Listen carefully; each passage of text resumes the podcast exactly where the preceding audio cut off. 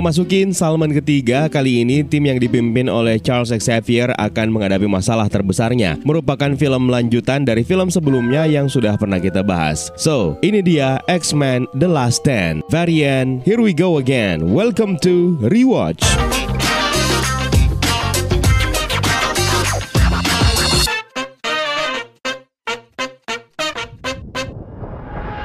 Film ini dirilis pada tahun 2006 dan X-Men The Last Stand ini merupakan film ketiga dan satu-satunya film dari trilogi asli yang tidak disutradarai oleh Brian Singer yang pada saat itu lebih memilih untuk menyutradarai film Superman Returns sebagai gantinya. Kali ini disutradarai oleh Brad Ratner dan kembali menampilkan Hugh Jackman sebagai Logan alias Wolverine, Ian McKellen sebagai Eric Lancer alias Magneto, Famke Janssen sebagai Jean Grey alias Phoenix, Halle Berry sebagai Aurora Monroe alias Storm, Kelsey Grammer sebagai Hank McCoy alias Beast, Patrick Stewart sebagai Charles Xavier alias Professor X, James Marsden sebagai Scott Summers alias Cyclops, dan masih banyak lagi pemeran lainnya yang ikutan bergabung di film terakhir dari trilogi X-Men ini. Film ini sebenarnya bukan menjadi film terakhir dari X-Men franchise karena nanti akan dilanjutkan lagi di beberapa film selanjutnya sampai X-Men The Dark Phoenix. Jadi buat kalian yang belum tahu sama sekali mengenai film ini, kita harus kasih spoiler warning terlebih dahulu agar kalian bisa bisa menikmati filmnya secara utuh dan sensasi yang lebih maksimal daripada hanya mendengarkan saya bercerita diawali dalam flashback 20 tahun sebelumnya, tepatnya pada tahun 1986. Charles Xavier dan Eric Lancer menemui seorang anak mutant yang difonis sebagai kelainan penyakit oleh kedua orang tuanya. Eric Lancer sendiri menolak anggapan X-Gene dalam tubuh manusia itu sebagai penyakit. Anak ini bernama Jean Grey. Charles mencoba membujuknya untuk bergabung di Xavier School for Gifted Youngster agar Jean mampu mengendalikan kekuatannya yang dianggap oleh Charles terlalu spesial. what about Jean? What about her illness. Illness? Did you think you were the only one of your kind, young lady? We're mutants, Jean. Sepuluh tahun setelahnya, seorang industrialis yang bernama Warren Worthington II menemukan putranya Warren Worthington III ternyata seorang mutant yang mencoba menghilangkan jejak mutannya dengan memotong sayap di punggungnya di toilet. Sejak saat itu, Worthington II berniat untuk menemukan obat agar bisa menyembuhkan anaknya itu. Tahun 2006, Wolverine, Storm, Iceman, Rogue, Kitty Pryde alias Shadowcat, dan Peter Rasputin alias Colossus terlibat pertempuran sengit melawan sebuah robot sentinel raksasa yang mengancam dunia. Dalam pertempuran tersebut, Iceman mencoba saling melindungi bersama Shadowcat yang malah membuat Rogue cemburu. Wolverine terlihat menikmati pertarungan tersebut yang membuat Storm malah jadi panik sendiri. Wolverine lalu memerintahkan Colossus untuk melemparkannya hingga dia berhasil memenggal kepala Sentinel. Ternyata pertempuran tadi adalah sebuah simulasi di Danger Room yang ada di X-Mansion.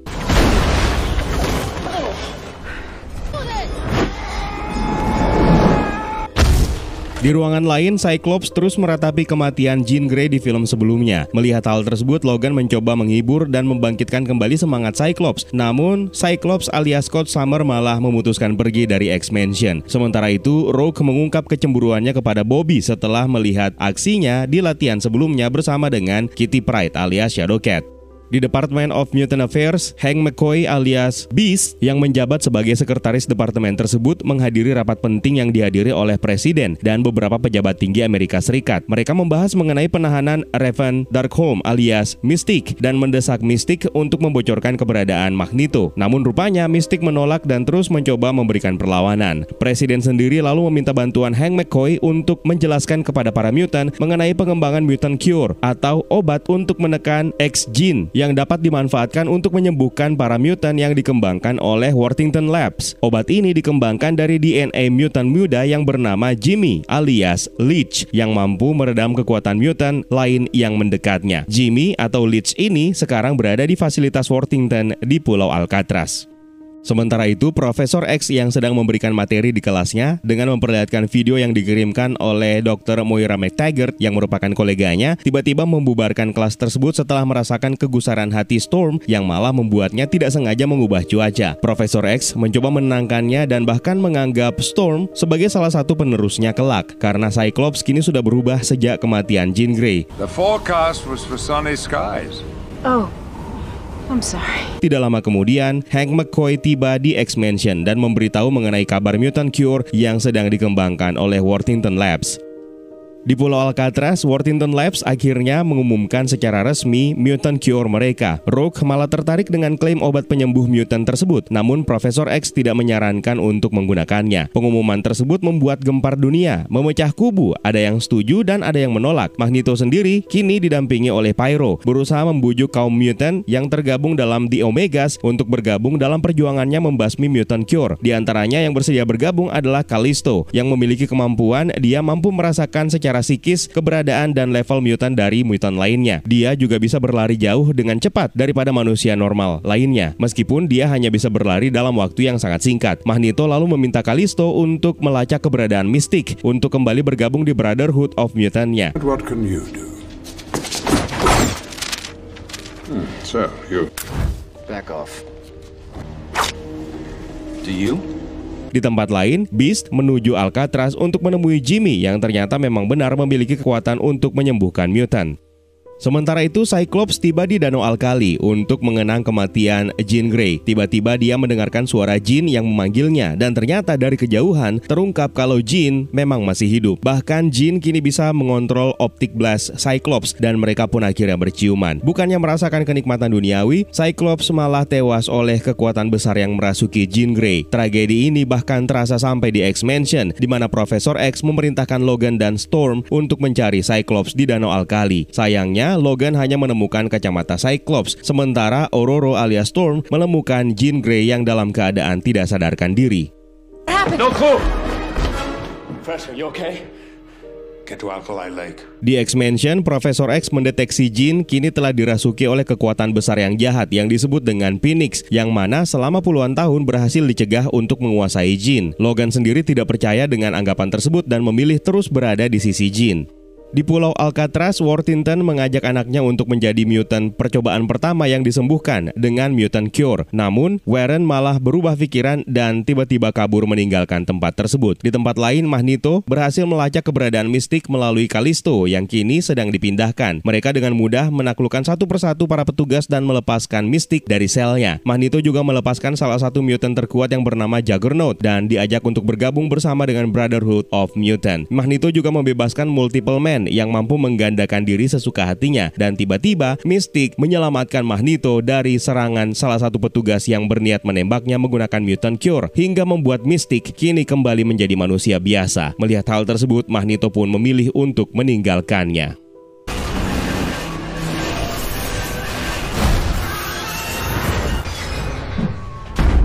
What did they call you?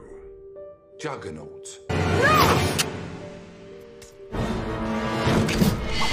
Di White House atau Gedung Putih, Hank McCoy mengundurkan diri dari kabinet setelah mengetahui bahwa mutant cure ternyata digunakan sebagai senjata tanpa dia sadari. Dia pun akhirnya pergi dan kembali bergabung dengan X-Men setelah mengetahui bahwa Magneto kini menjadi ancaman besar mereka. Di X-Mansion, Jean akhirnya sadar dan menyambut Logan dengan hangat, lalu mereka pun tergoda dalam suasana eksotis yang terlalu jauh. Menyadari agresivitas Jean yang tidak biasa, membuat Logan menghentikan aksinya dan berupaya menyadarkan Jean. Logan sendiri selamat dari kekuatan Jean karena dia memang memiliki healing factor. Jin pun akhirnya tersadar dan meminta Logan untuk membunuhnya agar tidak ada lagi korban jiwa yang berjatuhan yang berikutnya. Karena Logan menolak, Phoenix pun kembali merasuki Jin, menghancurkan sekeliling ruangan lalu kabur dari X-Mansion.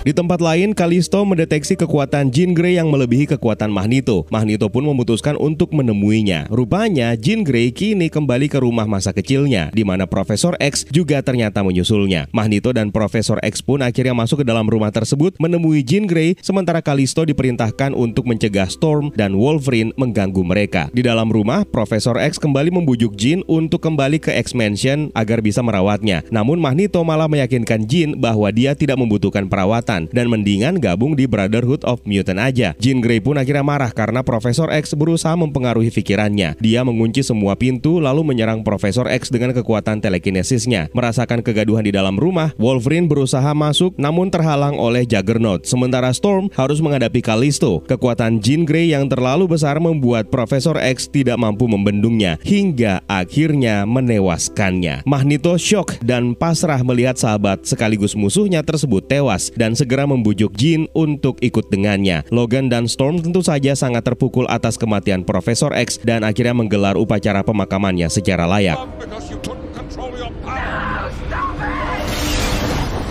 I'm going in. Don't let it control you.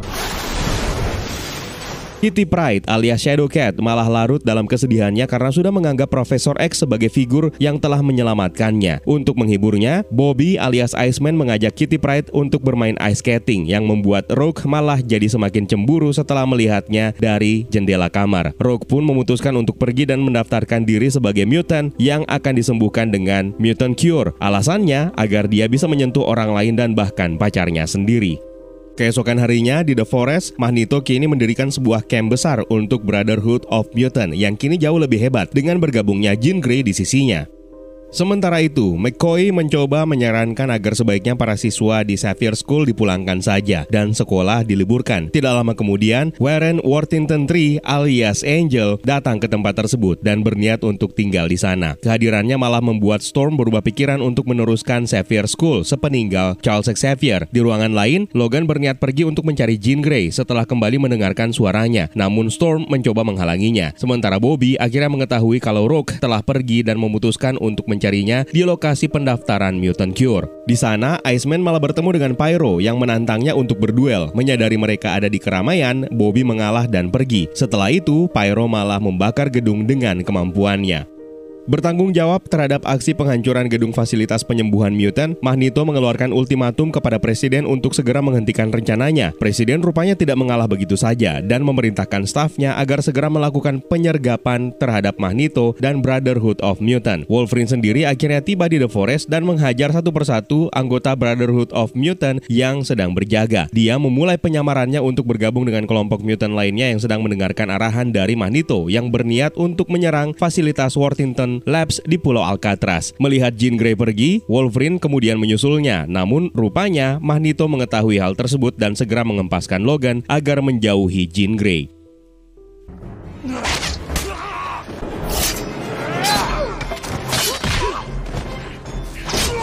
Yes, you are.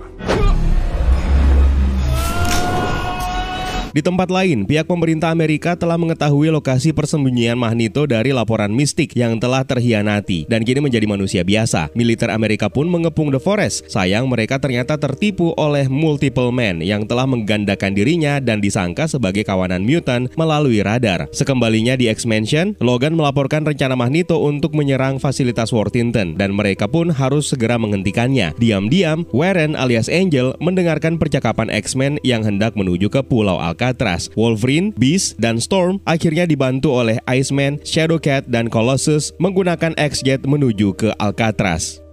Magneto dan Brotherhood pun akhirnya tiba di Golden Gate Bridge di dekat Pulau Alcatraz. Karena ratusan mutant pasukannya tidak bisa menyeberangi lautan, maka Magneto menggunakan kekuatannya untuk membelokkan jembatan menuju Pulau Alcatraz yang membuat mereka akhirnya bisa menyerang fasilitas Worthington yang dijaga ketat oleh aparat militer. Dengan menggunakan senjata plastik berpeluru, obat penyembuh, pasukan militer berhasil menyembuhkan beberapa mutant yang menyerang mereka. Melihat kejadian tersebut, Arclight menggunakan kemampuan gelombang kejutnya untuk menghancurkan seluruh senjata plastik militer milik militer.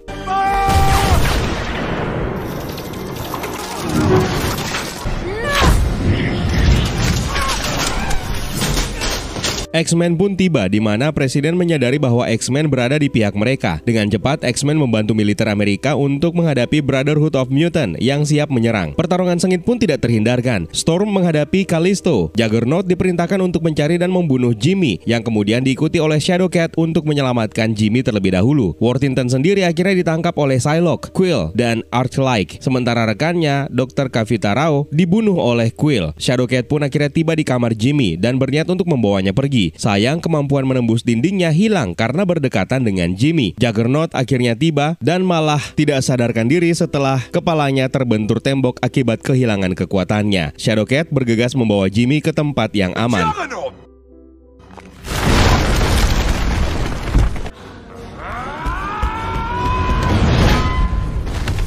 Worthington sendiri akhirnya dilempar dari atas rooftop. Beruntung, Warren alias Angel tiba tepat waktu untuk menyelamatkan ayahnya itu.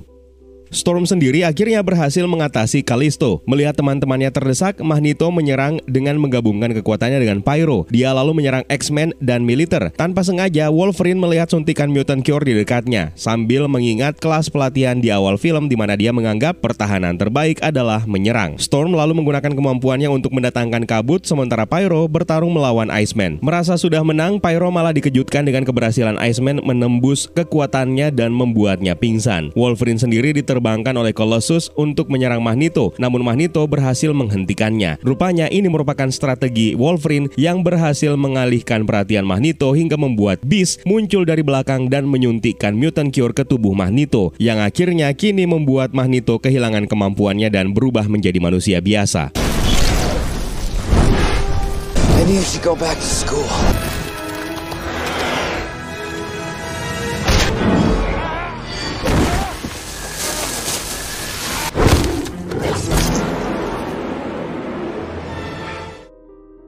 Tersisa Jean Grey seorang diri. Wolverine berusaha menenangkannya, namun sayang militer Amerika Serikat malah menyerang Jean dan membuat rencana Wolverine berantakan. Jean Grey pun kehilangan kendali dan mengeluarkan kekuatan penuh Phoenix Force-nya yang menghancurkan tempat tersebut serta membunuh manusia dan mutant di sekitarnya, termasuk Psylocke, Quill, dan Arclight. Wolverine pun memutuskan untuk tetap tinggal dan menghadapi Jean Grey seorang diri. Dengan healing faktornya, Wolverine berhasil mendekati Jean dan menikamnya menggunakan cakar adamantium hingga membuat Jean tewas dan terbebas dari Phoenix.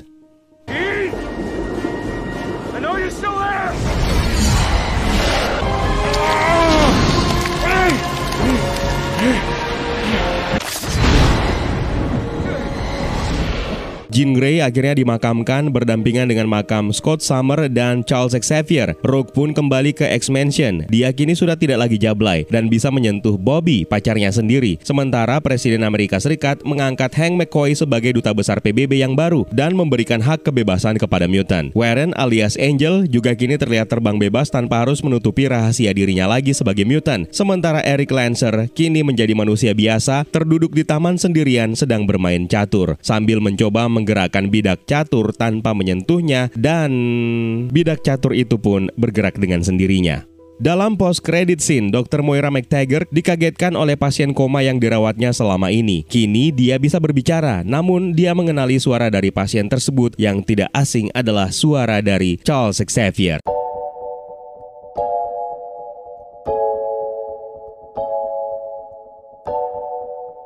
Inilah trilogi asli X-Men yang harusnya berakhir sampai di sini saja. Namun pihak studio memutuskan untuk melanjutkannya dengan menghadirkan spin-off yang menceritakan kisah Wolverine yang lebih banyak dan berujung kepada reboot abis-abisan yang dimaksudkan untuk menghapus lini masa trilogi ini. Nanti akan kita jelaskan lebih jauh lagi mengenai hal ini di konten selanjutnya. Sekarang waktunya menyimak detail dan easter eggs yang terkandung dalam film ini. Kita awali dulu dari post credit scene di mana Moira McTaggart menemukan pasiennya akhirnya sadar dari koma panjangnya dan kini bisa berbicara kepada dirinya. Rupanya kesadaran dari Charles Xavier berhasil dipindahkan ke tubuh pasien tersebut. Namun entah bagaimana caranya, sebenarnya kejadian ini sudah diterangkan oleh Charles sendiri di ruangan kelasnya dan akhirnya itu menjadi sebuah petunjuk menarik bahwa Charles Xavier sebenarnya masih hidup namun berada di tubuh orang lain. Lokasinya sendiri berada di Muir Island di mana lokasi ini sebelumnya pernah diperlihatkan di X-Men United di komputer milik William Stryker. Nama Moira McTaggart pun juga diperlihatkan di database komputer tersebut. Kita beralih ke penampilan penampilan cameo Stanley di awal film yang mana dia sempat absen dalam film X-Men United. Penampilan Dark Phoenix sebenarnya juga sudah dibocorkan di ending film kedua dan akhirnya inilah yang menjadi alasan kenapa Jean Grey selamat dan masih hidup setelah insiden di film kedua itu.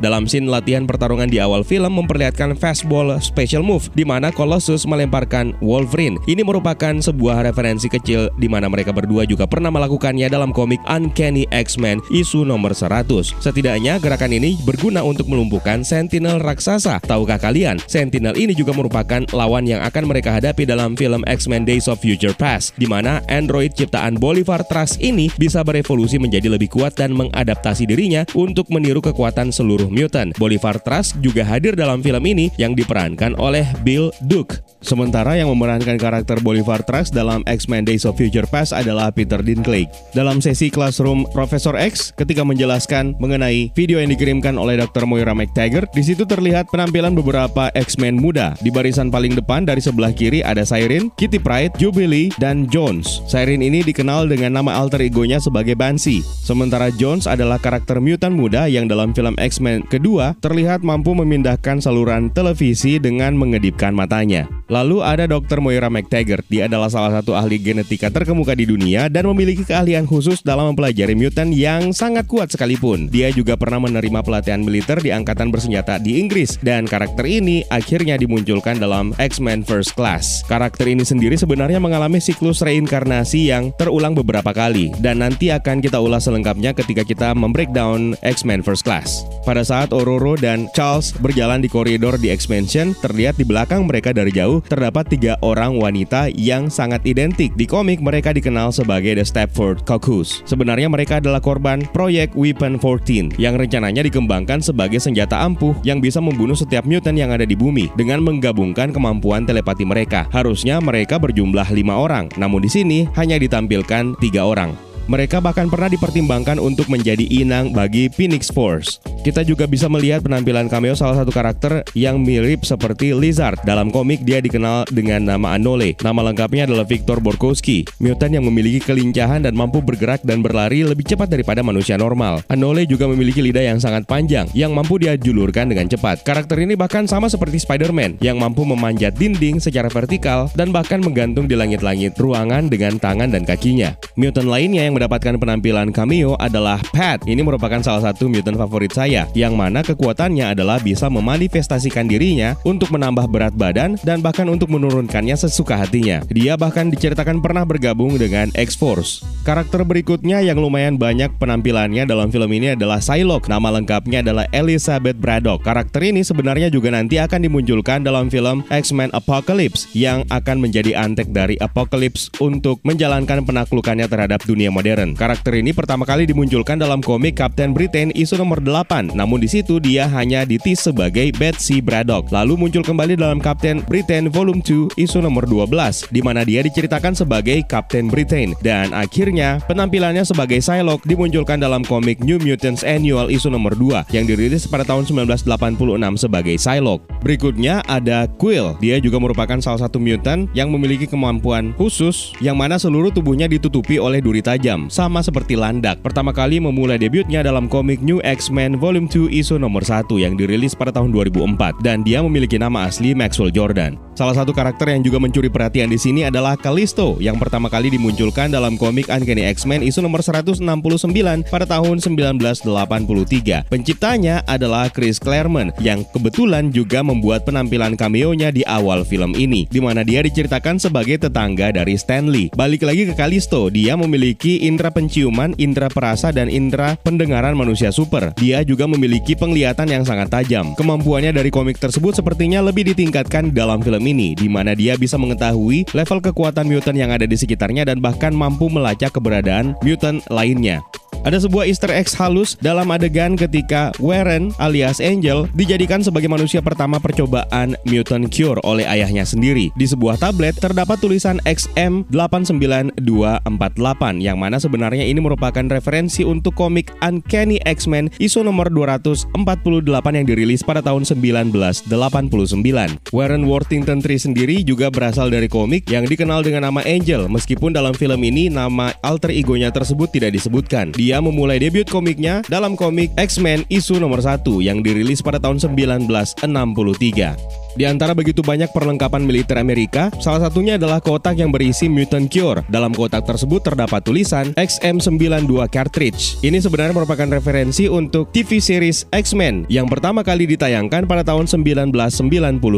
Salah satu mutant yang dihadapi oleh Wolverine ketika memasuki The Forest adalah Spike. Nama aslinya sebenarnya Darian Elliott dari komik. Dia memulai debutnya dalam komik X-Force isu nomor 121 yang dirilis pada tahun 2001. Dia mampu menghasilkan benda tajam dari tubuhnya yang bisa dia tembakkan dengan akurasi yang mematikan dan bahkan itu diperlihatkan mampu sedikit menyulitkan Wolverine. Sebenarnya awalnya karakter ini diperuntukkan akan dijadikan sebagai keponakan dari Storm, namun karakter tersebut diredesign dan akhirnya diberikan backstory yang berbeda ketika diperkenalkan ke dalam komik. Ketika Magneto membengkokkan jembatan agar bisa menjadi jalan mereka untuk menyerang Pulau Alcatraz yang merupakan tempat dari fasilitas Worthington Lab, adegan ini sebenarnya merupakan adegan yang sangat familiar yang berasal dari komik. Magneto juga melakukan hal yang sama di komik New X-Men isu nomor 147 di mana dia juga membengkokkan atau bahkan menghancurkan jembatan. Penampilan cameo mutant lainnya bernama Robert Herman alias Globe. Dia adalah seorang mutant yang memiliki kulit transparan dan pertama kali debut dalam komik New X-Men isu nomor 117. Sayangnya dalam film ini dia menjadi salah satu mutant yang terkena tembakan militer dan segera membuat dia menjadi manusia biasa kembali. Ketika Juggernaut berhadapan dengan Kitty Pryde alias Shadowcat, Juggernaut mengumpat dengan sangat kesal. Sebenarnya kalimat umpatan ini diambil dari baris kalimat yang sama yang terlihat di voice over kembali secara parodi oleh seseorang yang mana scene-nya diambil dari series animasi X-Men. Bisa jadi ini merupakan penghormatan untuk fans yang memparodikan kembali aksi Juggernaut dari series animasi tersebut. I'm the Juggernaut! I'm the juggernaut. Adegan pemakaman di akhir film ketika memperlihatkan kuburan Charles Xavier, Scott Summer, dan Jean Grey sebenarnya juga merupakan referensi kecil untuk komik Uncanny X-Men isu nomor 141 yang juga memperlihatkan ada begitu banyak kuburan dari anggota X-Men. Nah itu dia beberapa detail yang kita dapatkan dari film X-Men The Last Stand yang menjadi akhir dari trilogi X-Men ini. Mega franchise ini akan kita lanjutkan ke spin-off X-Men yang akan menceritakan tentang backstory Wolverine. Terima kasih buat kalian yang sudah menonton dan juga terima kasih buat kalian yang sudah bergabung di membership community. It's time for me to sign out. My name is Eka. Stay safe and until next time.